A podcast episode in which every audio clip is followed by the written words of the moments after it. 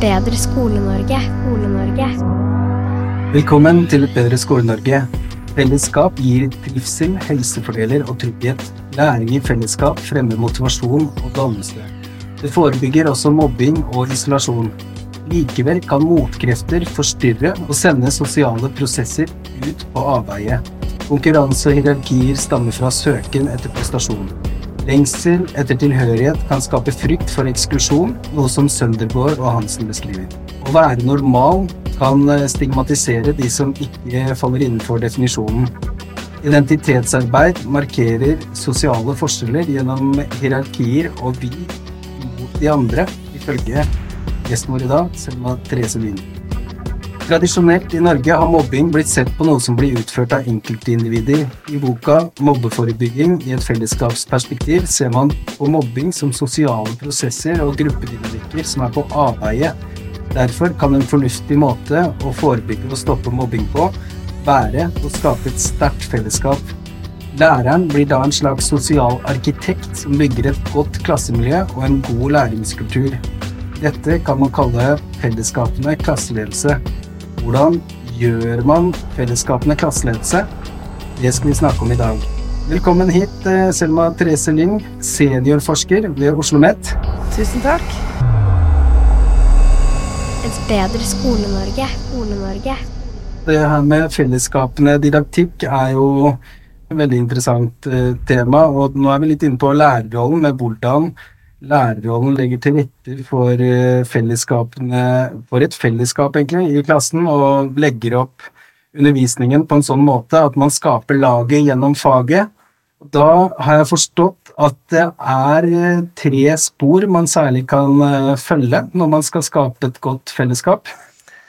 Ja, altså Dette med fellesskapene didaktikk, tenker jeg det er sånn én et Eh, tiltak da innafor det med liksom miljøbygging og jobbing med relasjoner. Og de tre hovedstrategiene som er viktige, da, de har vi kommet fram til basert på en studie som jeg gjorde sammen med Ingunn Marie Eriksen eh, om elevenes psykososiale miljø, hvor vi eh, så nærmere på skoler som over tid hadde eh, jobba veldig med skolemiljøet og klart å forbedre det og redusere mobbing. Og da så vi at det var liksom Det som alle brukte, det var en strategi som vi kalte for omsorgsfull kontroll, som handler om atferdsregulering. Altså de hadde jobba med klasseledelse, de hadde jobba med inspeksjon, gode inspeksjonsrutiner, det å klare å følge med. Det å jobbe fram regler og sanksjoner og den type ting autoritativ klasseledelse, da, når det gjelder eh, akkurat den klasseledelsesbiten. Og så og det andre var å jobbe med relasjonen lærer-elev. Og vi så at de skolene som hadde da jobba systematisk med dette, de jobba veldig tett på. Og hadde brukt mye energi og fokus og ressurser egentlig også på å støtte opp under lærernes eh, relasjonsarbeid med elevene. Eh, og ved de skolene, så når vi gjorde elevintervjuer også, så på en måte fortalte jo også elevene at de følte seg trygge på at de hadde minst én eh, lærer som de følte at de kunne fortelle nesten alt til.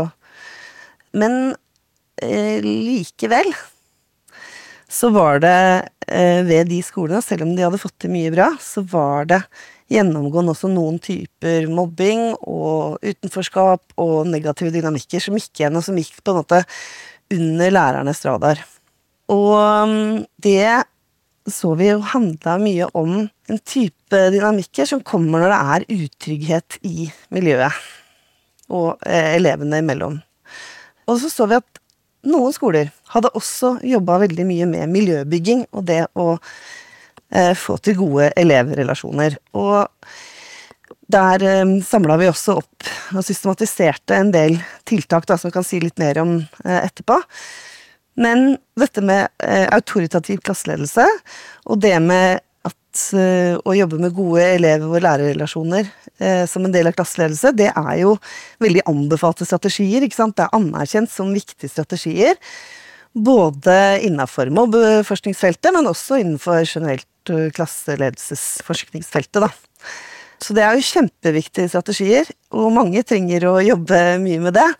Men dette som handler om miljøbygging, å lage det kollektivet i klassen, eller det gyldige vi, da, som vi kaller det, det har på en måte ikke vært eh, etablert som en egen tradisjon, eller en forskningstradisjon. sånn at vi var opptatt av å, at det blir satt på begrep, da, at det er en tredje strategi innenfor klasseledelse og også mobbeforebygging som er kjempeviktig hvis man skal klare å nå og forebygge de dynamikkene som f.eks. trigger mobbing, da, og få til det fellesskapet som også er så viktig for læring, og sånn som du sa i, i introen.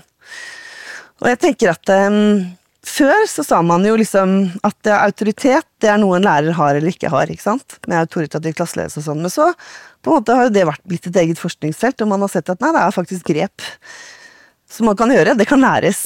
Det er metoder ikke sant, for det.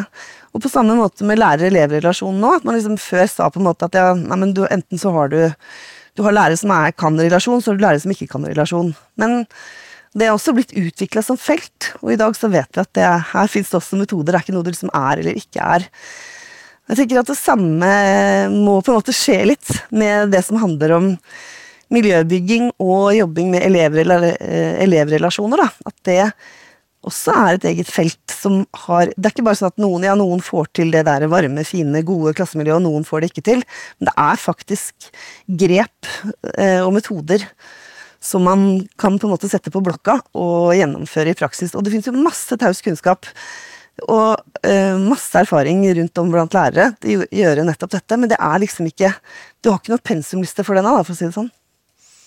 Absolutt. Og jeg vil bare utdype litt det her begrepet 'gyldige vi', fordi mm. det står jo overalt nå, men det er du og Eriksen som er opphavskvinne til det, er ikke det riktig?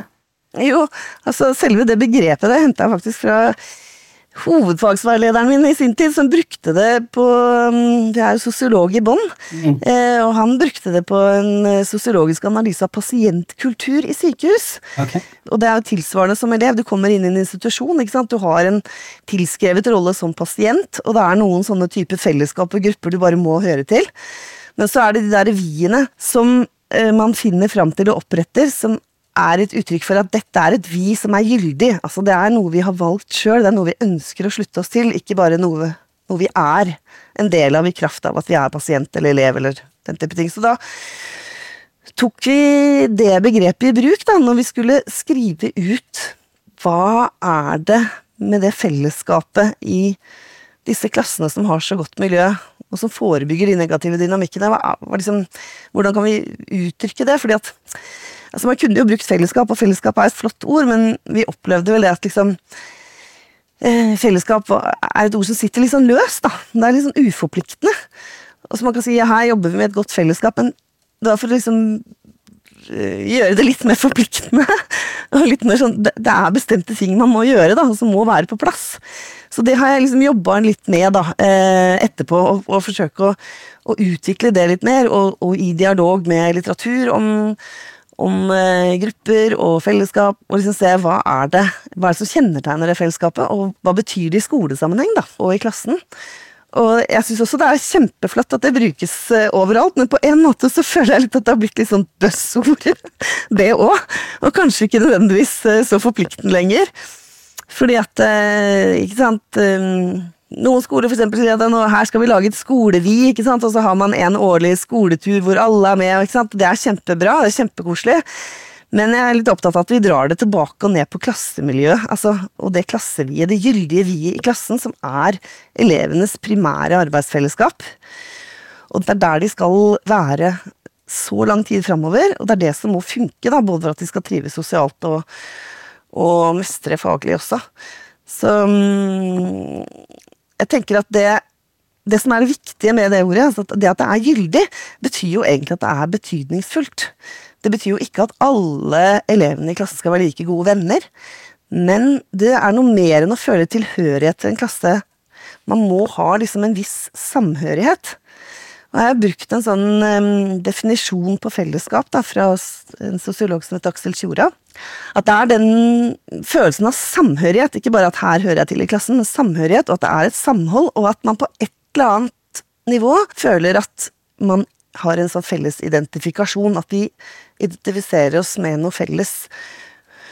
På en måte, da, så kan man jo kanskje oversette det til at det er det der sosiale limet som gjør at grupper fungerer, at det er godt å være et sted. Og at det får en sånn at det gir en energi da, å være i denne gruppa. Og hvis man tenker på arbeidslivet, for eksempel, så bare tenk på hvor mye ressurser og, og tankekraft som har vært brukt på teambuilding. ikke sant? Da har man på en måte ord for det. At det, ok, her er vi en eh, gruppe som skal jobbe sammen over lang tid. liksom. Her må vi jobbe med å bygge relasjon og miljø. Og det er jo akkurat det samme egentlig for uh, elever. Og kanskje ikke sant, enda den utfordringen at det handler om å ta liksom på alvor at det fellesskapet, eller den, den vi-følelsen av at ja, her har vi betydning for hverandre, den, den eh, er jo ikke mindre krevende, i hvert fall, og viktig å ta på alvor i en klasse hvor man vet Altså, i arbeidslivet så er det jo sånn at da har vi jo begynt å velge oss til plasser hvor vi er ganske like folk, ikke sant? Men i skolen så er det jo fortsatt sånn at klasser består av veldig forskjellige folk. Som er under masse press.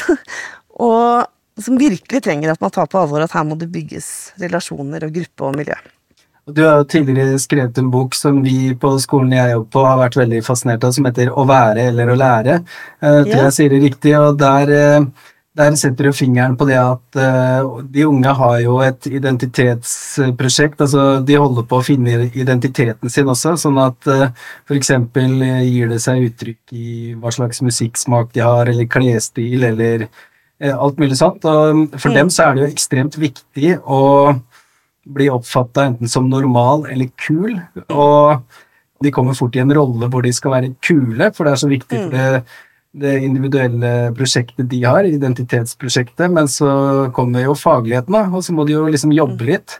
Og så kanskje de har matte, og så syns de så vil de ikke komme ut av rollen og være kul, og så er det bedre Eh, liksom for eh, sin sosiale status og bare late som man er kul, og så ikke gjøre det noe bra i matte, f.eks. Det kan bli masse sånne bindinger som er uheldige, eller mm. masse at man blir låst i bokser. Men det ønsker jeg gjerne at vi snakker mer om i en annen episode, men nå er vi mm. skikkelig inne på, på fellesskap, og det å skape et sånt godt fellesskap der hvor folk føler samhørighet og samhold og identifiserer seg med gruppa og sånn. Og hvilke strategier er det man har for å bygge sånne gode fellesskap, da?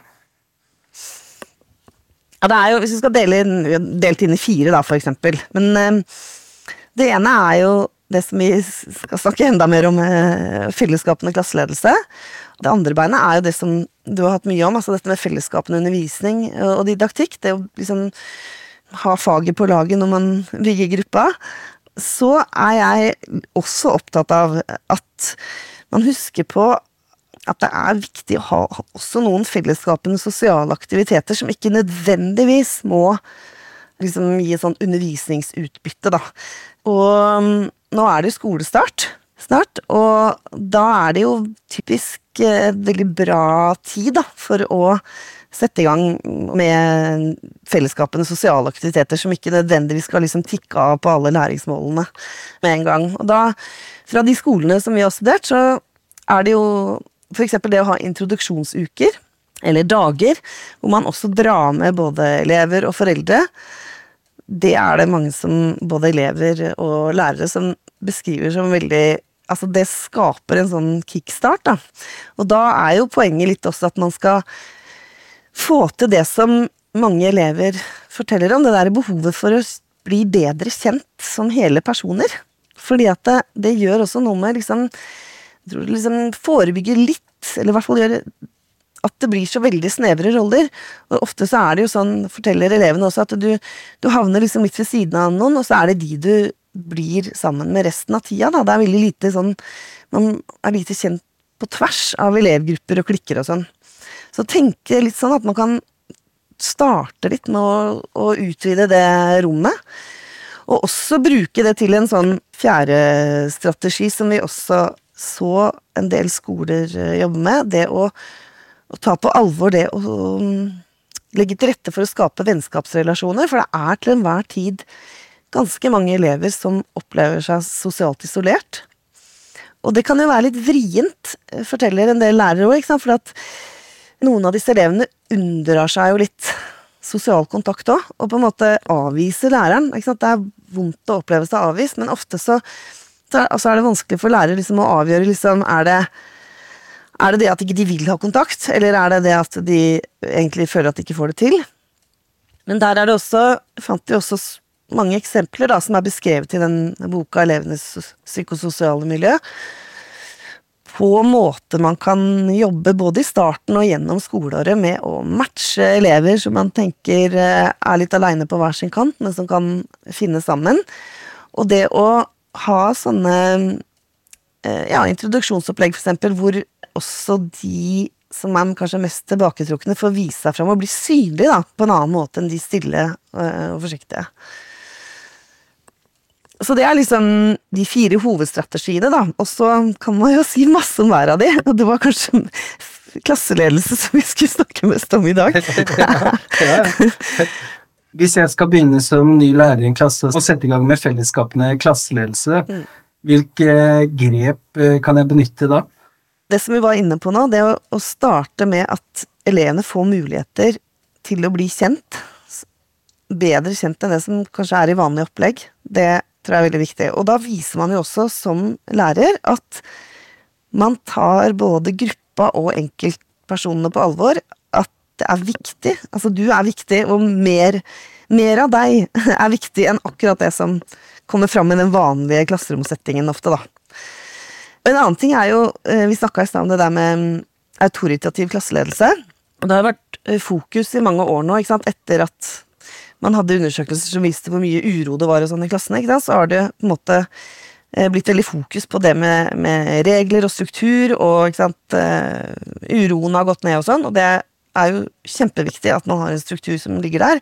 Men vi, ser, vi så jo det at noen av de lærerne som hadde fått til eh, et sånt klassefellesskap hvor det var mye kontakt og liksom gode relasjoner mellom elevene på tvers av vennegrupper og klikker og sånn også, de tillot på en måte det jeg tror er Søndegård jeg, som har beskrevet det som, som produktiv uro. Altså de skilte mellom sånn støy, da, som bare var forstyrrende, og liksom produktiv uro. Og noen av lærerne forklarer hvordan de liksom de opplever at det skjer, det skjer veldig mye fint, da. I liksom produktiv uro mellom på tvers av grupper og sånn. Og så får de heller ta seg og stramme inn ordentlig igjen hvis det liksom sklir helt ut. Men at den opplevelsen som klassen får og gruppa får om at nå har vi det hyggelig sammen også, underveis, da. Og så så vi også på et sånt trekk ved en sånn klasse med godt fellesskap. Det er at det, det henger jo på en måte litt sammen med det å se hverandre som hele personer òg, men at det, man lærer og får en forståelse av at eh, vi har alle vårt, og at det blir åpenhet for å snakke om det. Og mm, i den boka så er det en sånn veldig fin beskrivelse fra en klasse hvor hvor det egentlig starta litt sånn tilfeldig, men hvor det ble et sånt omsorgsprosjekt egentlig i den klassen.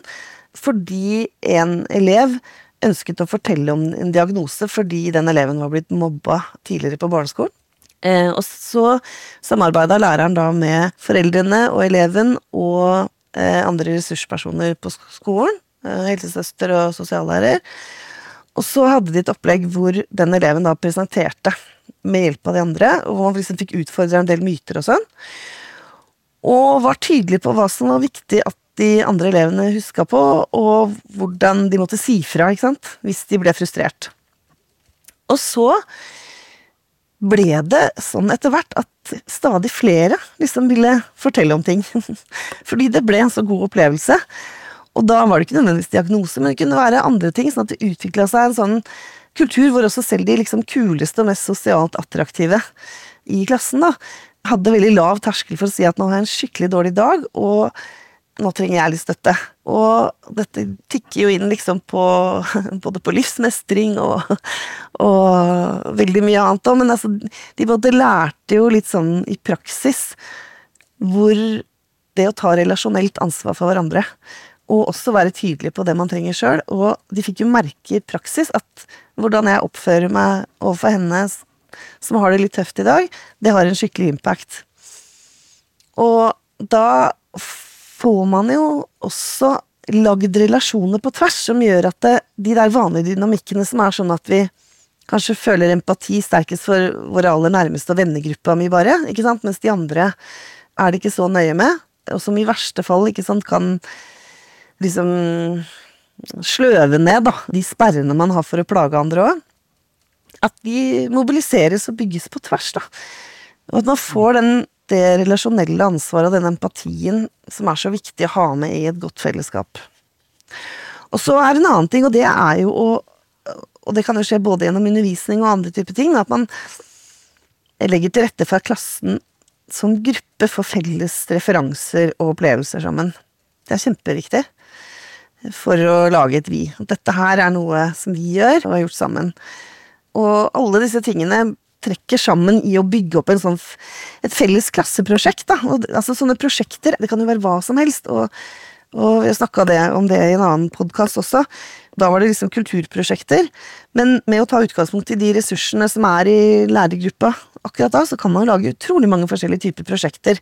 Det må være liksom at det står noe på spill, at det er betydningsfullt for alle. Og da er det veldig effektivt for å bygge opp et sånn fellesskap og en sånn gyldig vi rundt det, da.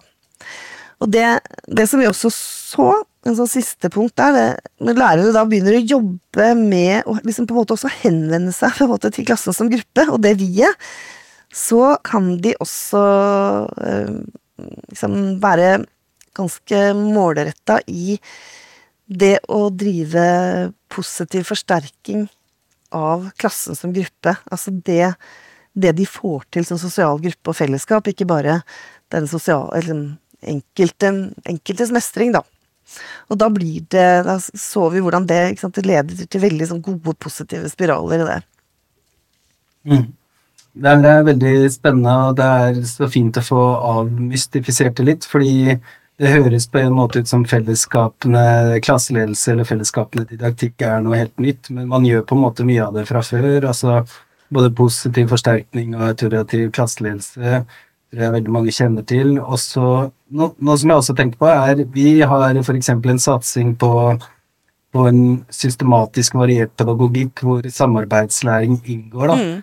Og det er vel også, hva skal jeg si, det tangerer vel også med med fellesskapende didaktikk, hvordan man på en måte gjør det i praksis? Det er begrensa empiri dette her eh, bygger på. ikke sant? Jeg tenker at dette her er liksom forskningsfelt i utvikling, og også det at det mm. fins utrolig mye kunnskap og erfaringsbasert eh, kunnskap rundt omkring, og, hvordan det er. sånn at liksom jeg ønsker meg egentlig at man samler krefter og får, liksom, får det frem, da, og, og får prøvd ut, og driver også praksisutvikling. Sant? Hva er det vi på en måte driver med? Hva er det som klikker inn, og hva er det som ikke klikker inn? For det, det gjelder egentlig alle former for fellesskapende aktiviteter som man driver på skole. Så det er liksom viktig å si at det er ikke det er jo ikke metoden i seg sjøl, eller, eller liksom aktivitet. Det er ikke det at vi, ja, nå driver vi elevmedvirkning, og det er fellesskapene. Eller nå har vi samarbeidslæring, og det er fellesskapene.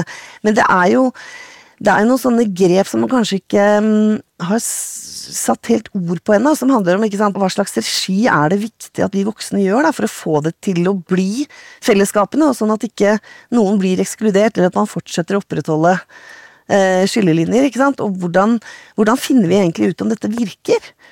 Og hva er de sosiale eller sosialpedagogiske måla som vi tenker å få til, da? Og får vi det til?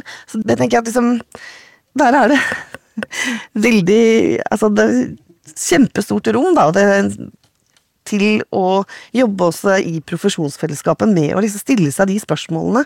Og liksom reindyrke de metodene og få det fram og spre det og ja. mm.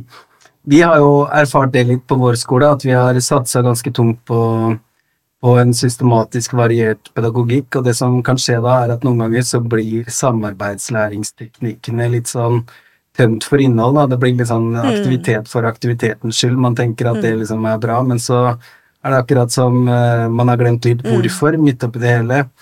Men uh, jeg har vel inntrykk av at én uh, måte å gjøre det, gjøre det, på, er jo altså, Det er jo samarbeidslæring, og så er det jo sånne åpne og rike oppgaver. Jeg tror noen kaller det for LIST-oppgaver, og så er det fellesskapende prosjekter.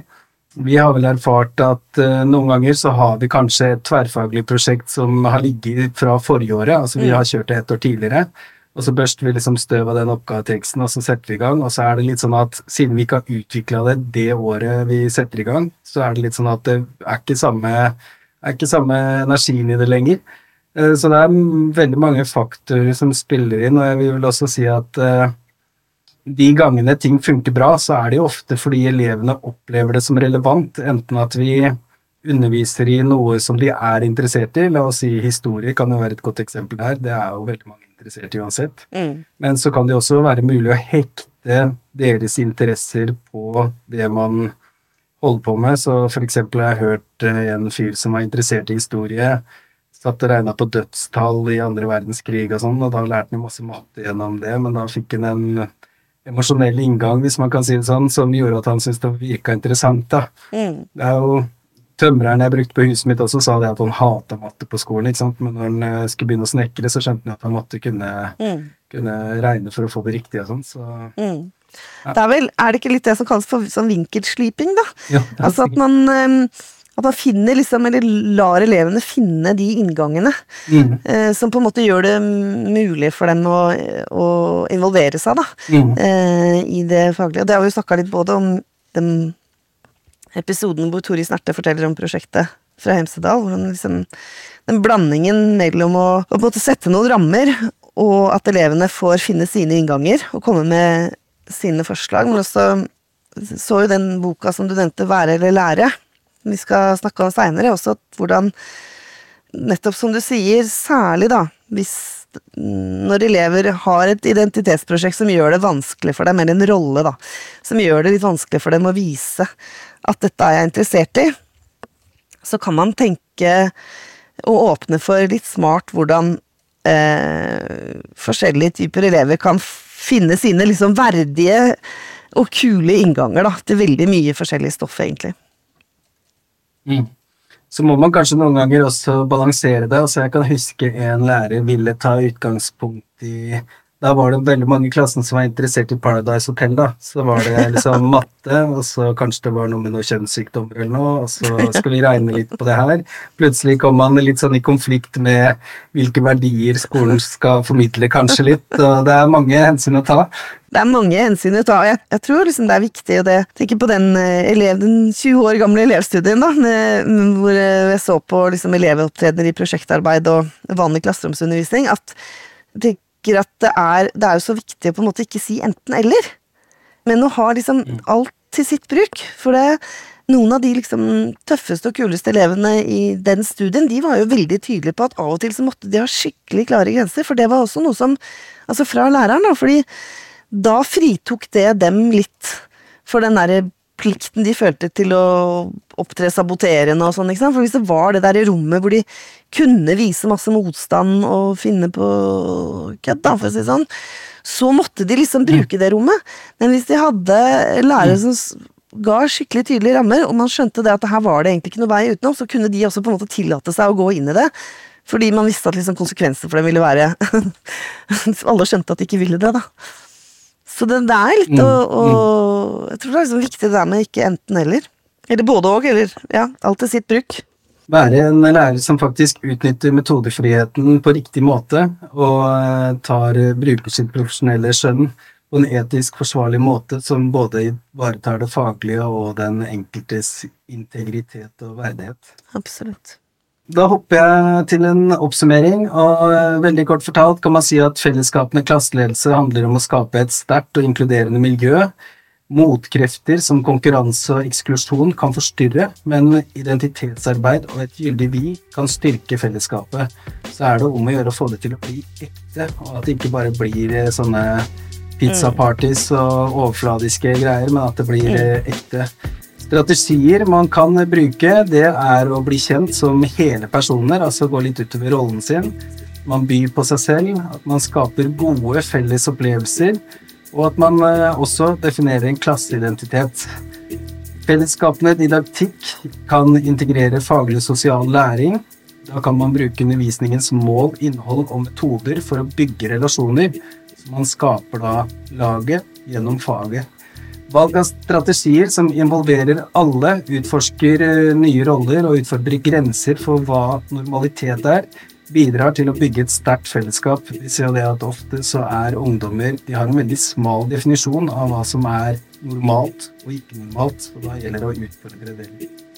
Empati, positiv sosial kontroll og vennskapsrelasjoner spiller en viktig rolle i fellesskapene klasseledelse, og det er en del av en bredere tilnærming til fellesskapelig undervisning og sosiale aktiviteter. Tusen takk for at du var med, Selma Therese Lyng. Takk for at jeg fikk komme. Så håper jeg vi ses igjen. Jeg er jo skikkelig gira på den boka med å være eller å lære, så det er jo det er gøy å snakke om de tingene jeg syns ikke mange pedagoger snakker om, så det ser jeg også veldig fram til. Men uh, tusen takk for at du kom. Bli med, du som lytter. Gjør Skole-Norge bedre for kidsa, og gjerne også for kollegaer, og til og med kanskje for de over i ledelsen. Så bli med. Tusen takk for at du hørte på. Vi høres. Ha det bra.